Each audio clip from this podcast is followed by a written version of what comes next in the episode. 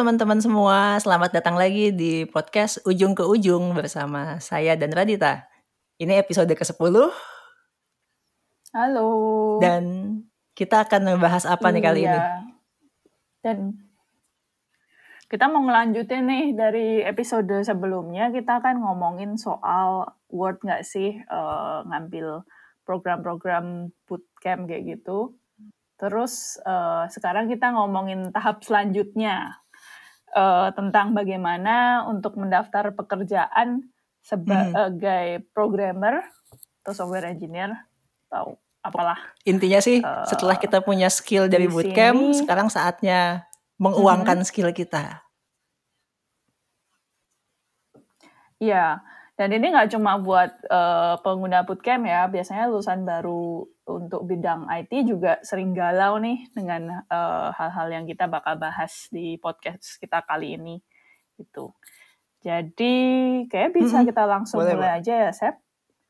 Aku Loh, aja, kok aku kamu mau, aku mau tanya. Baiklah. Oke, eh, it- Oke, jadi eh, aku udah nyiapin beberapa pertanyaan dan kita bakal tanya gantian. Ini biasanya yang sering ditanyain eh, Hmm. lulusan baru ke aku Em, tentang yang pertama nih, kalau buka-buka lowongan pekerjaan itu kan daftar teknologinya kok panjang banget ya, harus bisa apa PHP, JavaScript, framework Hmm.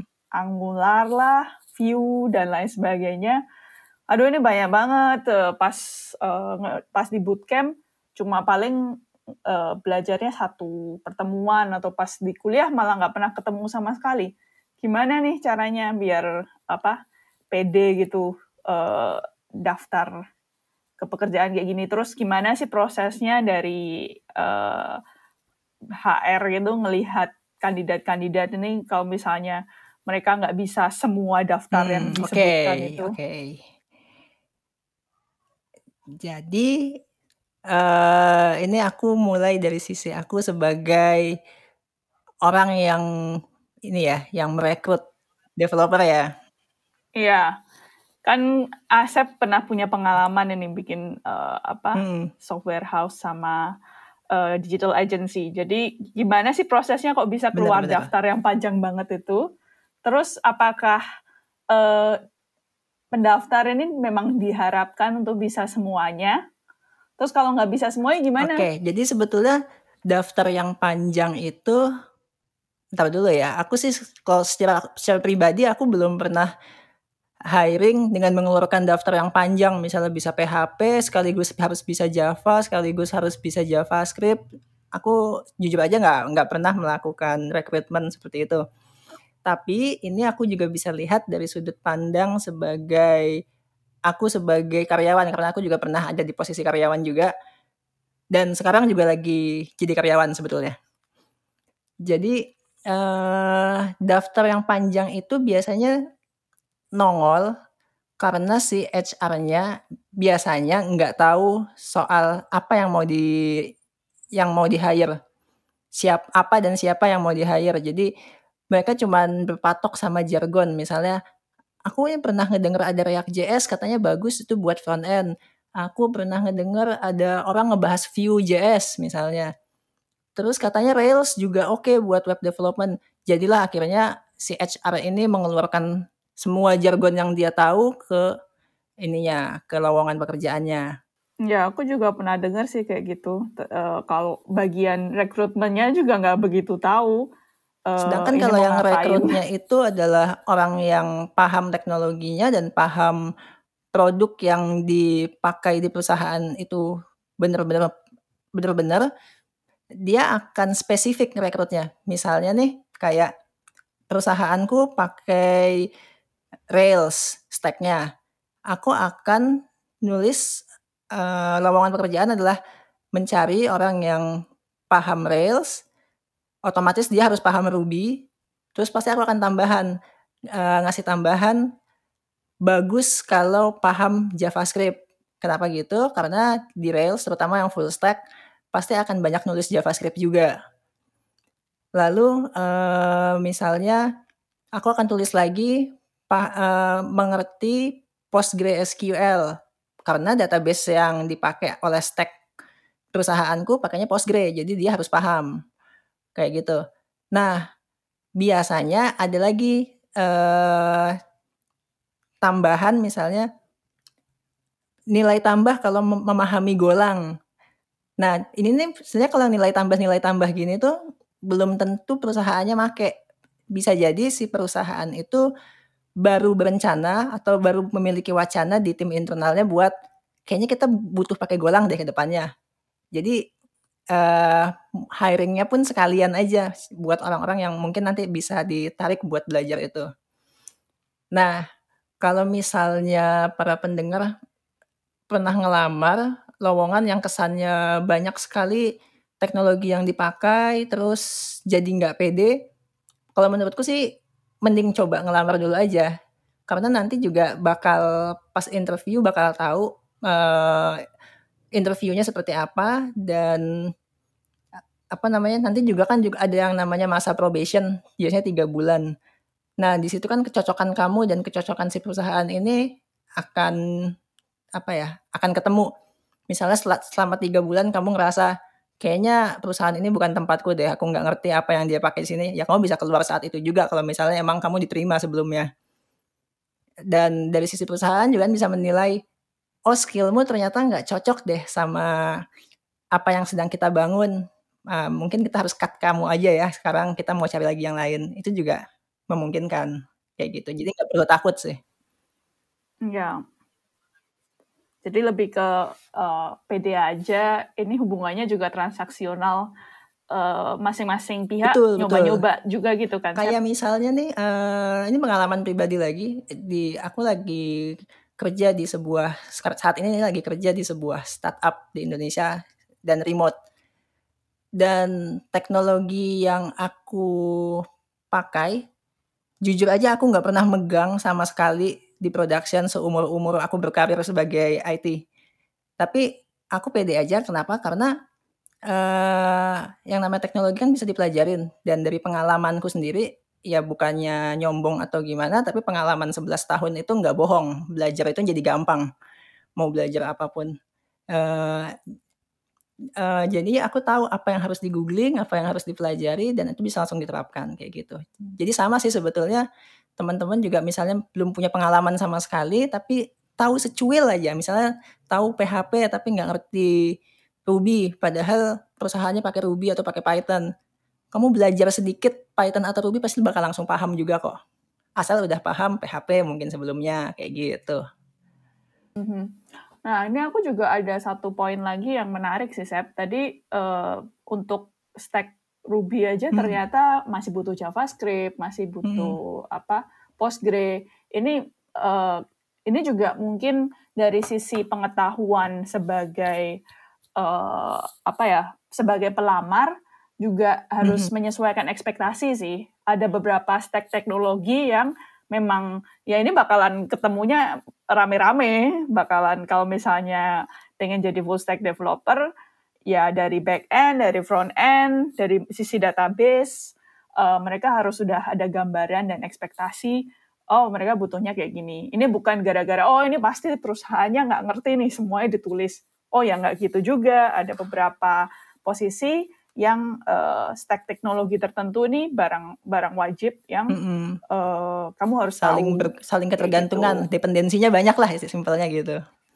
Iya, jadi ada memang ada teknologi-teknologi yang, eee, kelihatannya banyak, Mhm. tapi ini satu set sih. Jadi satu set untuk misalnya, eee, web development kayak gitu, yang kayak tadi disebutkan betul.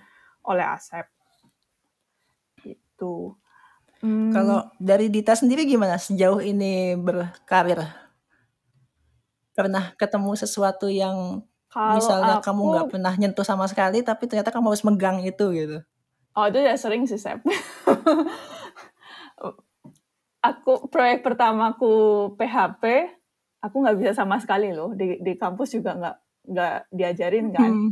Terus aku terima aja gitu, eee, zaman itu internet nggak semenjamur sekarang, aku pergi ke warnet, eee, 1 jam apa 2 jam itu kerjaanku cuma mendownload semua Mhm. tutorial PHP, sama download semua package untuk PHP itu yang kata di tutorial-tutorial itu disebutkan. Terus aku bawa pulang ke rumah. Terus uh, aku ada semingguan gitu kerjaannya cuma kerjain tutorial. Tapi jadi itu satu proyek pertama. Tapi ya benar sih, karena pas kuliah kan juga kamu pasti pernah megang bahasa pemrograman tertentu pas yang diajarkan di kuliah gitu. Iya, ya gitu sih. Maksudnya uh, ini juga yang kita tekankan kemarin waktu ngomongin soal bootcamp. Uh, yang paling penting uh, itu adalah diri kamu sendiri.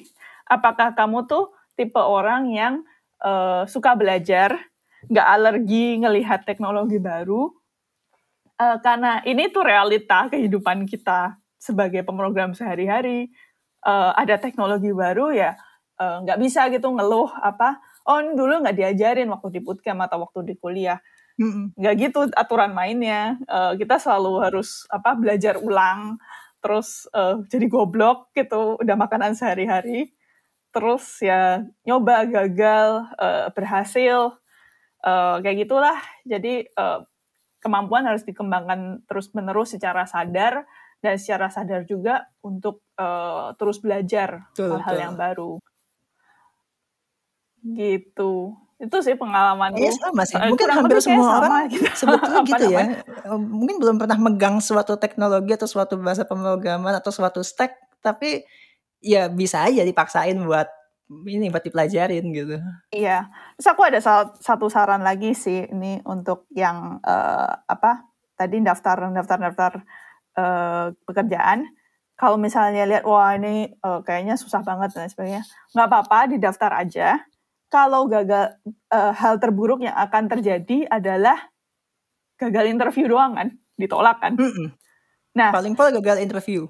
Betul. Nah, pas ditolak itu kamu kan jadi tahu oh uh, biasanya ada tes-tes pemrograman kayak gitu. Oh, aku nggak bisa pemrograman kayak gini. Oh, ternyata yang diminta oleh uh, apa namanya uh, perusahaannya itu yang kayak gini. Jadi ini jadi bahan masukan untuk dirimu sendiri untuk pulang belajar. Oh, uh, target berikutnya aku harus bisa ini, bisa ini dan bisa ini.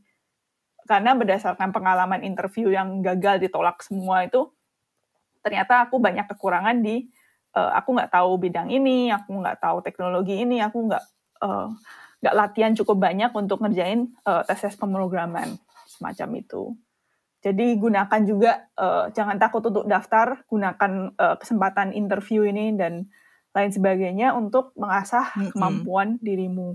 Daftar dulu. Jangan takut. Kalau ternyata diterima dan uh, masuk ke perusahaan tersebut, ya bagus. Hal terburuk kedua, paling kamu dipecat sebelum masa probation. Kalau misalnya nggak mampu. Iya, dan itu juga dan itu juga nggak masalah sih. Maksudnya uh, apa?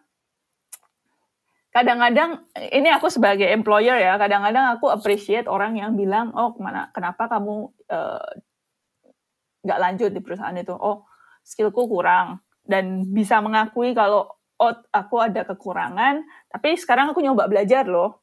Dan itu kayaknya uh, hal yang impress untuk semua yang mengesankan untuk semua employer. Uh, ini juga cerita yang mirip kan sama mm, yang betul. kemarin si Zamroni soal dia bahasa mm -hmm. belajar bahasa Inggris itu. Ya kayak gitulah itu ya, maksudnya dunia nyata banyak orang banyak orang-orang baik juga yang mengapresiasi uh, kerja keras kamu dan usaha kamu untuk mengatasi segala kelemahan. Mm -mm. Jadi emang kalau nggak bisa, mending bilang nggak bisa. Jujur tuh lebih enak sih kalau di dunia kerja gini. Mm-hmm.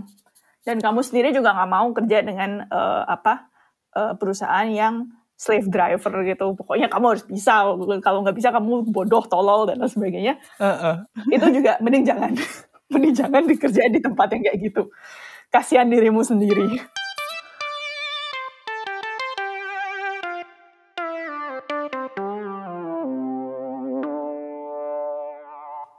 Soal pekerjaan tadi yang kita ngasih uh, nasihat tentang ada tempat-tempat kerja yang nggak worth lah kamu pertahanin gara-gara lingkungannya toxic.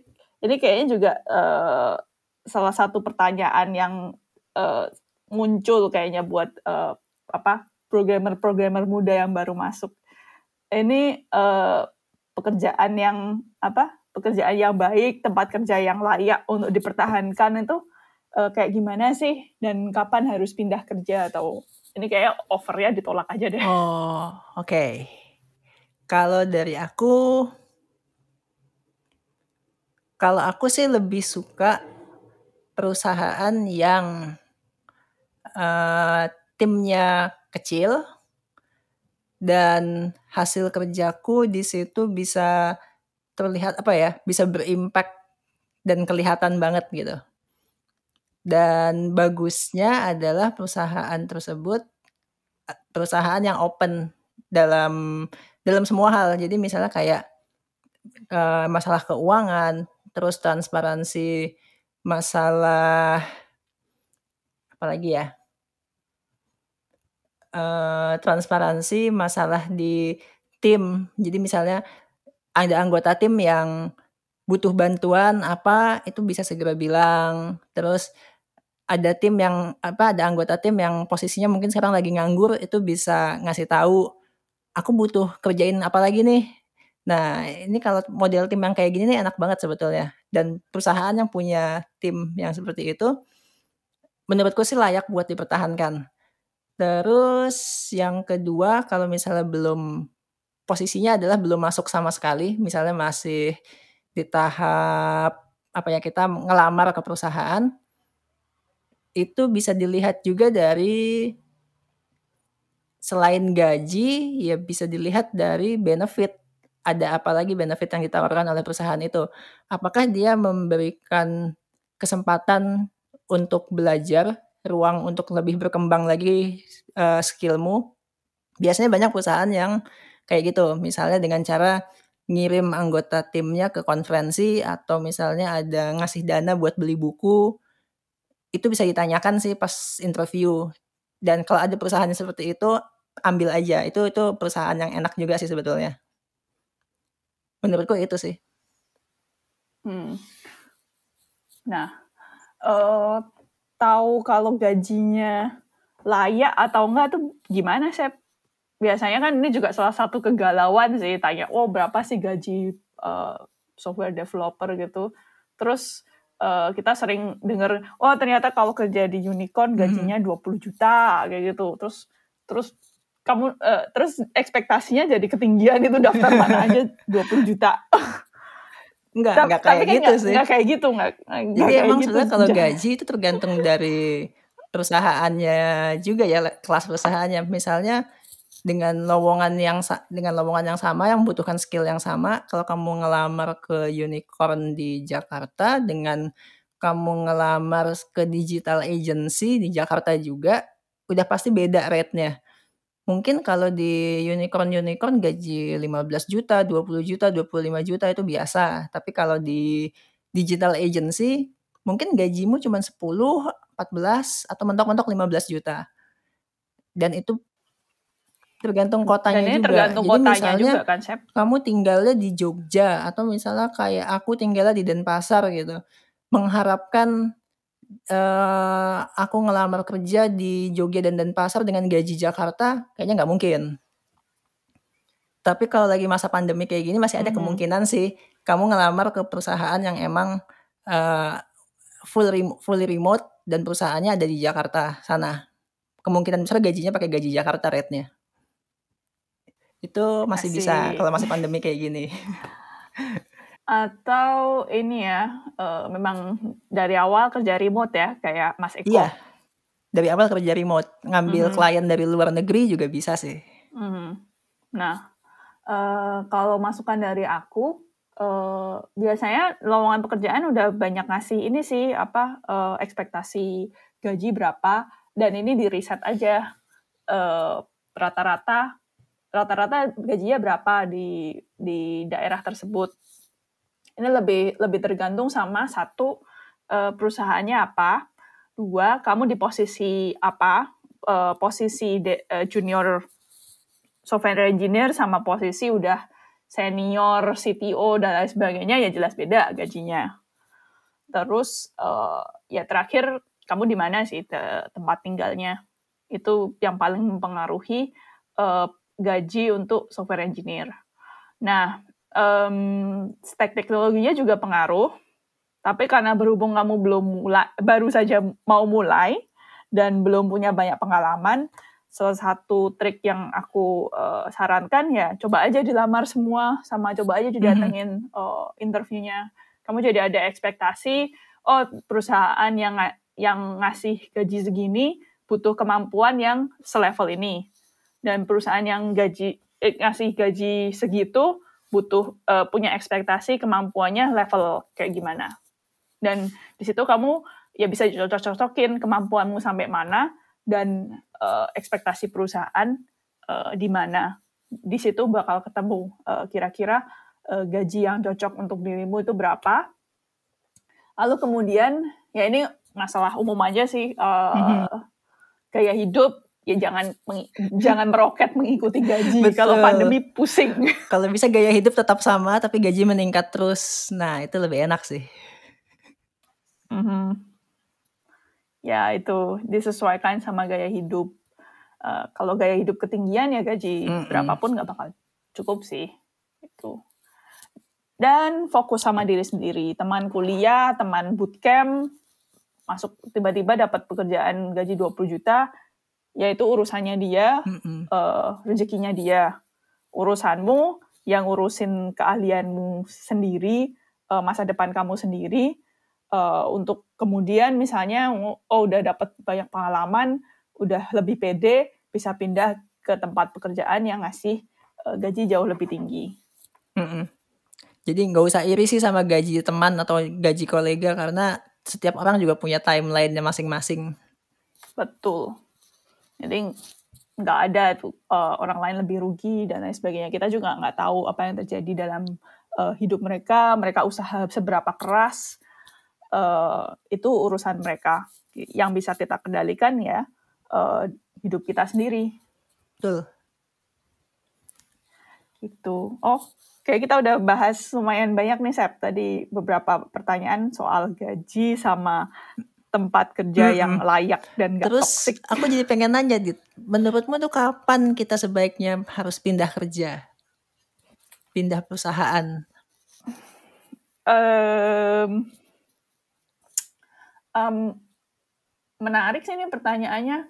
Uh, kalau dari pengalaman aku sendiri, um, aku pindah kerja kalau ngerasa uh, apa personal development aku untuk jenjang karir yang lebih tinggi mentok di perusahaan ini. Hmm. Atau, uh, eh, aku nggak bisa ngembangin, uh, aku bisa nggak bisa mengembangkan karir di masa depan yang lebih lebih nyaman, lebih stabil. Saya harus keluar dari zona nyaman sekarang untuk ke zona nyaman -hmm. yang lebih nyaman lagi. Jadi bu, keluar dari zona nyaman itu bukan apa jadi menderita ya. Menderitanya tuh sementara aja supaya bisa iya. ke tempat yang lebih nyaman lagi. Habis itu berasa nyaman lagi di tempat baru. iya, ya memang uh, siklusnya kayak gitu. Uh, aku nyari kerja selama uh, personal development aku bisa terus uh, ada di perusahaan itu atau di tempat kerja itu, uh, ya aku tetap aku tetap stay sih. Tapi aku juga berusaha menghindari untuk uh, kayak loncat-loncat pekerjaan terlalu cepat. Soalnya kalau pindahnya terlalu cepat, kamu juga nggak nggak belajar apa-apa sebenarnya, nggak meluangkan waktu untuk melihat oh ini perusahaan kayaknya nggak bisa ini nggak bisa membantu aku naik level kayak gitu. Dan di CV sendiri jadi terlihat jelek sih mm -hmm. terlalu banyak loncat-loncat. Ya, untuk uh, dari sisi orang yang uh, menyeleksi CV kamu, uh, ini kelihatannya oh ini orang bukan bukan nggak loyal sih. Siapa iya. tahu nih troublemaker kerjaannya kerjaannya uh, apa pindah-pindah kerjaan ini apa apa kelar ya masa uh, proyek enam hmm, bulan apakah dia cabut. bermasalah sebetulnya dengan perusahaan sebelumnya atau gimana gitu kan iya kayak gitu uh, untuk lulusan baru kayaknya setahun dua tahun masih oke okay lah dari di satu tempat kerja. The, menurut aku uh, dua tahun itu uh, waktu yang tepat untuk mengevaluasi uh, kamu suka nggak dengan uh, lingkungan kerja kamu di situ dan kamu melihat ada masa depan nggak diri kamu di perusahaan itu dan juga dua tahun ini uh, waktu yang cukup untuk melihat oh ternyata diri kamu sendiri bisa menyesuaikan diri atau enggak biasanya kalau misalnya uh, hire manajer baru atau um, kebanyakan manajer baru sih dua tahun ini ekspektasi yang dikeluarkan oleh uh, employer buat uh, ngelihat oh ini orang ada hasilnya atau enggak. Soalnya nggak mungkin orang tiba-tiba masuk, tiba-tiba bikin perubahan, tiba-tiba sukses. Ya gitu hampir hampir nggak ada. Jadi uh, aku saranin sekitar satu setengah dua tahun untuk uh, stay di satu perusahaan. Kalau memang sudah terlalu ya super toxic apa namanya, uh, kamu tiap hari uh, pulang kerja nangis atau apa uh, stres, depresi mau bunuh diri, udah ya, beberapa bulan mental aja cabut lebih penting udah, udah kayak gitu. lebih betul. Utamakan mau gaji berapapun kalau misalnya kesehatan mental kacau itu nggak nggak enak, pasti nggak enak. Ya, itu kamu malah bakal keluar uang jauh lebih besar buat ngobatin itu. Nah, hmm, Kayaknya itu udah yang, Iya, uh, yang lebih umum-umum ya. Oh, mungkin ini kali, uh, yang baru uh, lulus mhm. kuliah atau baru lulus dari bootcamp kan juga pasti ada yang penasaran tuh, sebetulnya jenjang karirnya developer tuh seperti apa sih? Uh, ini kayak juga tergantung setiap perusahaan sih, saya aku aku lihat dan, uh, Ada perusahaan yang berjenjang karir, ada yang enggak sih, tapi iya, tapi secara garis besar -hmm. mungkin kalau misalnya apa ya, para pendengar ini mau tahu jenjangnya biasanya adalah begitu lulus itu jadi junior developer dulu. Jadi biasanya junior developer itu orangnya cuman disuruh-suruh aja deh pokoknya. Ini ada tas kamu kerjain, kamu nggak bisa kamu nanya dibimbing kayak gitu biasanya. Nanti dari jadi junior developer itu biasanya bisa naik jadi senior developer. Nah, naik dalam hal naik ini belum tentu di perusahaan yang sama ya, bisa jadi kan perusahaanmu yang sekarang nggak ada jenjang karirnya, tapi mungkin kamu udah dua tahun kerja di situ terus mau resign pindah ke kerja eh, ke tempat lain, mungkin bisa cari lowongan kerja yang posisinya senior developer, bisa kayak gitu. Uh, jadi kalau senior developer ini sebetulnya ja hampir sama kayak junior, dia juga masih cuman nge kan ngerjain tas, tapi sambil ngebimbing sedikit-sedikit. Dan biasanya senior developer ini tahu apa yang harus diketik di Google jika menemukan masalah. Karena skill googling sendiri itu penting. Kalau menurut aku senior lebih ya lebih mandiri sih daripada waktu junior. Waktu junior masih dikasih tahu, oh ini kamu harus mencet ini, pergi ke sini dan lain sebagainya. Di senior, kamu sudah harus bisa memanage diri sendiri lebih baik. Mm -mm, betul. Dan habis dari senior, uh, sebetulnya banyak si jenjang karirnya bisa shortcut langsung jadi C-level, CTO misalnya, dengan cara bikin startup sendiri. Atau kalau masuk ke perusahaan yang lebih besar mungkin tahu-tahu di hire-nya jadi lead engineer atau lead developer, uh, itu juga bisa. Nanti dari lead bisa jadi, uh, bisa aja sih pindah ke perusahaan lain jadi VP engineering atau mungkin ya sama jadi CTO. Ya kalau udah di level manajemen sebetulnya ini ya lebih ke tiap perusahaan pun role beda-beda ya, bisa jadi VP engineering di perusahaan A itu cuma setingkat dengan lead engineer di perusahaan B. Bisa jadi kayak gitu. Iya, ngomong skill tentang, dan role-nya. Iya, skill dan role kayak gini. Uh, ini juga mungkin terjadi kamu ternyata uh, senior engineer di sebuah perusahaan. Tapi kamu ingin masuk ke perusahaan lain yang lebih gede. Nah, uh, tidak menutup kemungkinan ketika kamu pindah masuknya ke uh, role junior juga. Jadi uh, jenjang-jenjang jabatan yang kamu dapatkan ini tidak uh, transferable ke perusahaan lain dan itu wajar. Jadi di sini yang dilihat ya satu uh, gajinya hmm. lebih menyenangkan atau tidak. Dua, uh, apakah potensi karirnya akan lebih bagus. Uh, biasanya wala jadi walaupun kamu pindah jadi uh, posisi yang lebih rendah, tapi ternyata uh, jenjang karirnya lebih bagus, uh, apa tunjangannya lebih menarik dan juga uh, professional development kamu lebih bagus lah daripada perusahaan sebelumnya. Jadi itu nggak masalah lah, cuma ganti titel aja. Iya.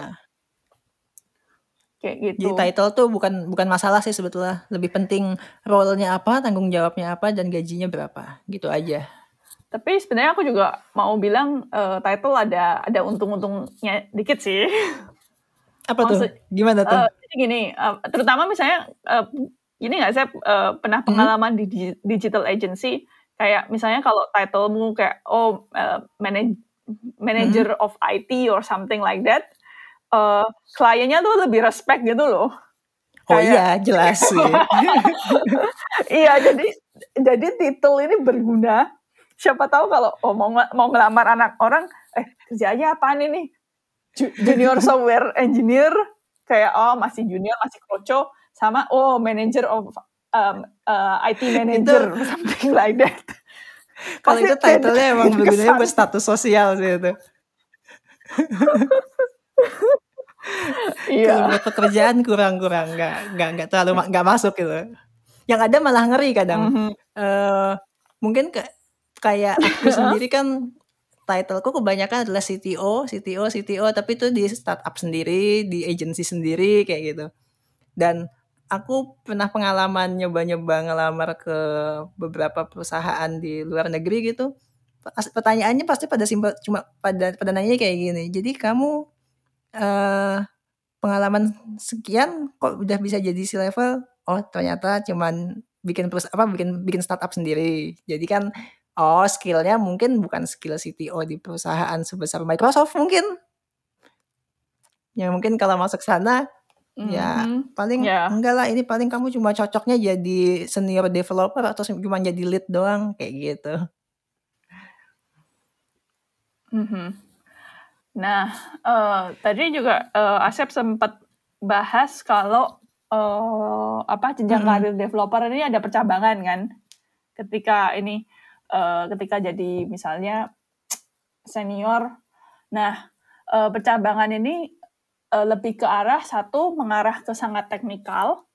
Jadi kamu eh, yang diharapkan untuk eksplorasi teknologi baru, menentukan oh besok arsitektur uh, sistemnya ini akan seperti ini oh uh, apa namanya uh, bimbing developer baru ini harus diarahkan ke stack teknologi yang seperti ini itu karir yang uh, lebih mengarah ke teknikal atau jadi spesialis kayak semua masalah server jebol dan sebagainya harus nulis driver sendiri kamu jagoannya. Dan ada lagi uh, karir yang lebih ke arah manajerial untuk uh, ngobrol sama oh klien maunya kayak gini, oh divisi business development development maunya uh, arahnya seperti ini. Untuk menjembatani orang-orang uh, yang bukan bidang IT ke divisi IT itu sendiri juga ada jenjang karirnya.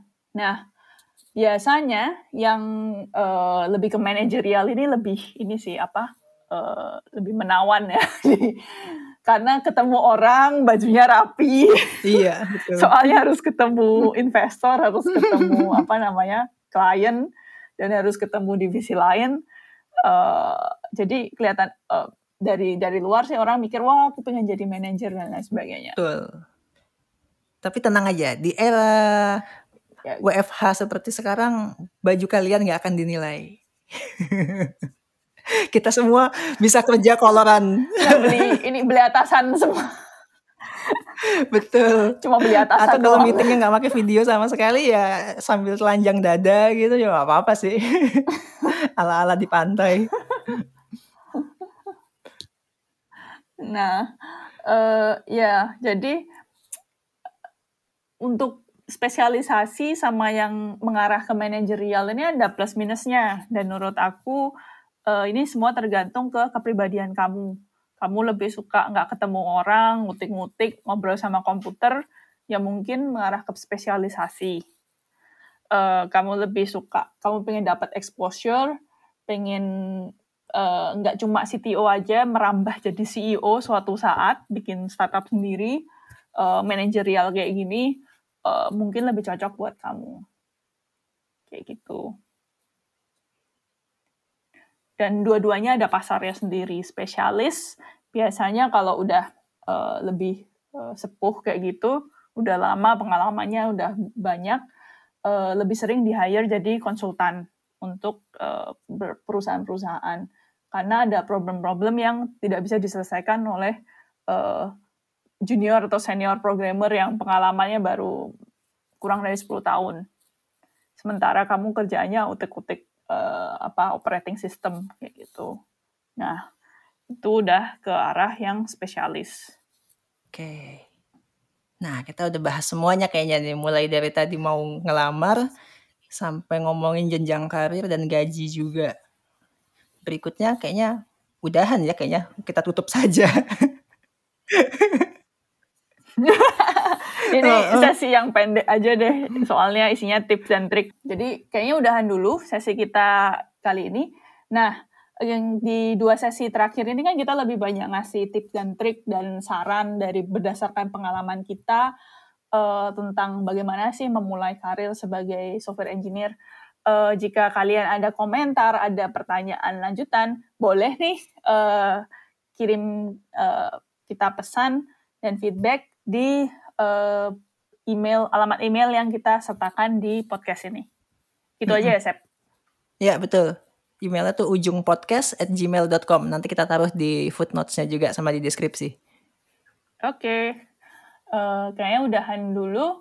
Uh, podcast berikutnya kita bakal ada bintang tamu kan, Sep? Mungkin ya, ada. Nanti kita kejutan aja. iya, bosan nih ngobrol uh, cuma bintang berdua, lagi. harus ada ini perspektif baru. Mungkin kalau para pendengar juga ada ide mau ngasih bintang tamunya siapa gitu, ngasih usul, kirim ke email tadi juga boleh. Nanti coba kita hubungi mereka. Oke, okay, sip. Sampai ketemu lagi di podcast berikutnya. Oke, okay, bye. Bye.